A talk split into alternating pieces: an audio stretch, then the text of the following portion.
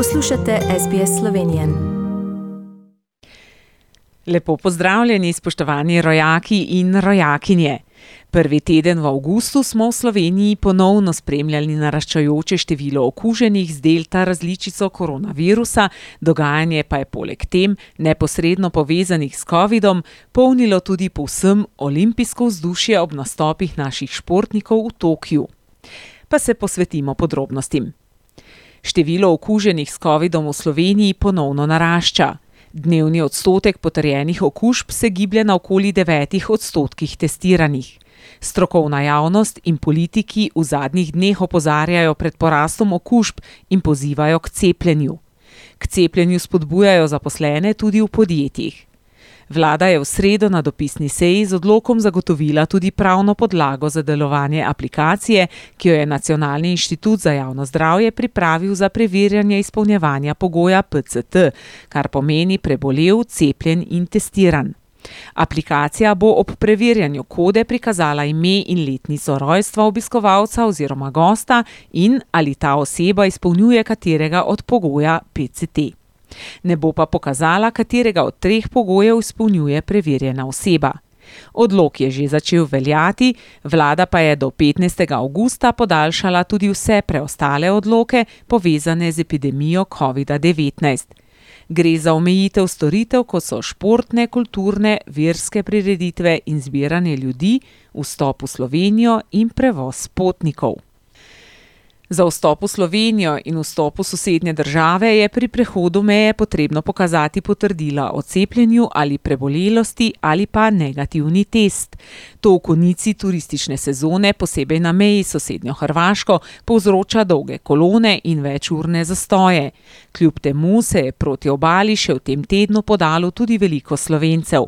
Po 15. avgustu, napovedujejo strokovne zdravstvene službe, bo potovanje v tujino verjetno omejeno zgolj na nujne primere. Brezposelnost v Sloveniji se je tudi julija zmanjšala, to je že šesti mesec zapored. Na Zavodu Republike Slovenije za zaposlovanje je bilo konec julija prijavljenih sedemdeset tisoč šeststo petinpetdeset brezposelnih, kar je nič cela šest odstotka manj kot junija in enaindvajset odstotkov manj kot julija lani. Podatki kažejo, da se je dinamika zmanjševanja brezposelnosti v primerjavi z obdobjem takoj po ponovnem odpiranju gospodarstva upočasnjuje. Pri zaposlovanju so nekoliko bolj previdni tudi delodajalci, saj vstopamo v četrti val epidemije. Da bi se izognili ponovnemu večjemu zapiranju družbe in posledično gospodarstva, kar bo imelo negativen vpliv na zaposlovanje oziroma trg dela, je cepljenje trenutno edino orodje za izhod iz te krize. Na ministrstvu za šolstvo pa že potekajo tudi pogovori, kako bo v septembru stekel pouk. Vsi se strinjajo, da se scenarij iz lanskega šolskega leta, ko so se otroci kar sedem mesecev šolali od doma, ne sme ponoviti. Po drugi strani pa zdravstvena stroka opozarja, da bodo kmalu prešli v oranžno fazo po številu okuženih, konec avgusta pa ob naraščajočem trendu tudi že v rdečo. Ob tem so se v tem tednu za kandidate, ki se v študijskem letu dva tisoč enaindvajset-dva tisoč dvaindvajset lahko vpišejo v prvi letnik dodiplomskega in enovitega magistrskega študijskega programa v prvem prijavnem roku, začeli vpisi. V prvem prijavnem roku je sprejetih enajst tisoč osemsto devetdeset bodočih študentov. Istočasno potekajo tudi prijave za bivanje v študentske domove, postelj pa tudi letos, razen v Mariboru, primanjkuje. Začetek meseca avgusta je v Sloveniji močno zaznamovalo dogajanje, povezano z dvaintridesetimi olimpijskimi igrami v Tokiu. Slovenski športniki so na teh olimpijskih igrah nizali številne uspehe, do tega trenutka pa v domovino prinesli kar pet olimpijskih medalj vseh barv in kar tri zlate. Največjo evforijo je povzročila slovenska košarkarska ekipa s prvim zvezdnikom Luko Dončićem. V polfinalu so morali priznati poraz s Francijo za eno samo točko in se pomerili za bronasto medaljo prav z Avstralijo. Rezultat pa vam je že poznan.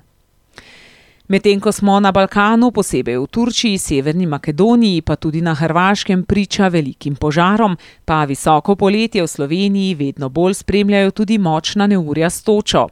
Slednja je v tem tednu prizadela več predelov Slovenije, najbolj suho krajino, kjer so kupi ledene gmote, ki je v velikosti oreha letela z neba, uničevala številne strehe, vrtnine in polščine.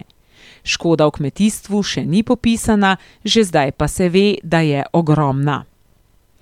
Slovenj Gradec pa se je te dni spremenil v veliko filmsko mesto z dvema mednarodnima filmskima festivaloma, festival animiranega kratkega filma Zebra in kratkega filma imenovanega Šoc. Filmski festivalski teden se je odvijal v starem mestnem jedru pod zvezdami, številnimi gosti iz vse Slovenije in od drugot, nabor filmov pa je sestavljen iz več kot desetih oziroma devetnajstih držav sveta.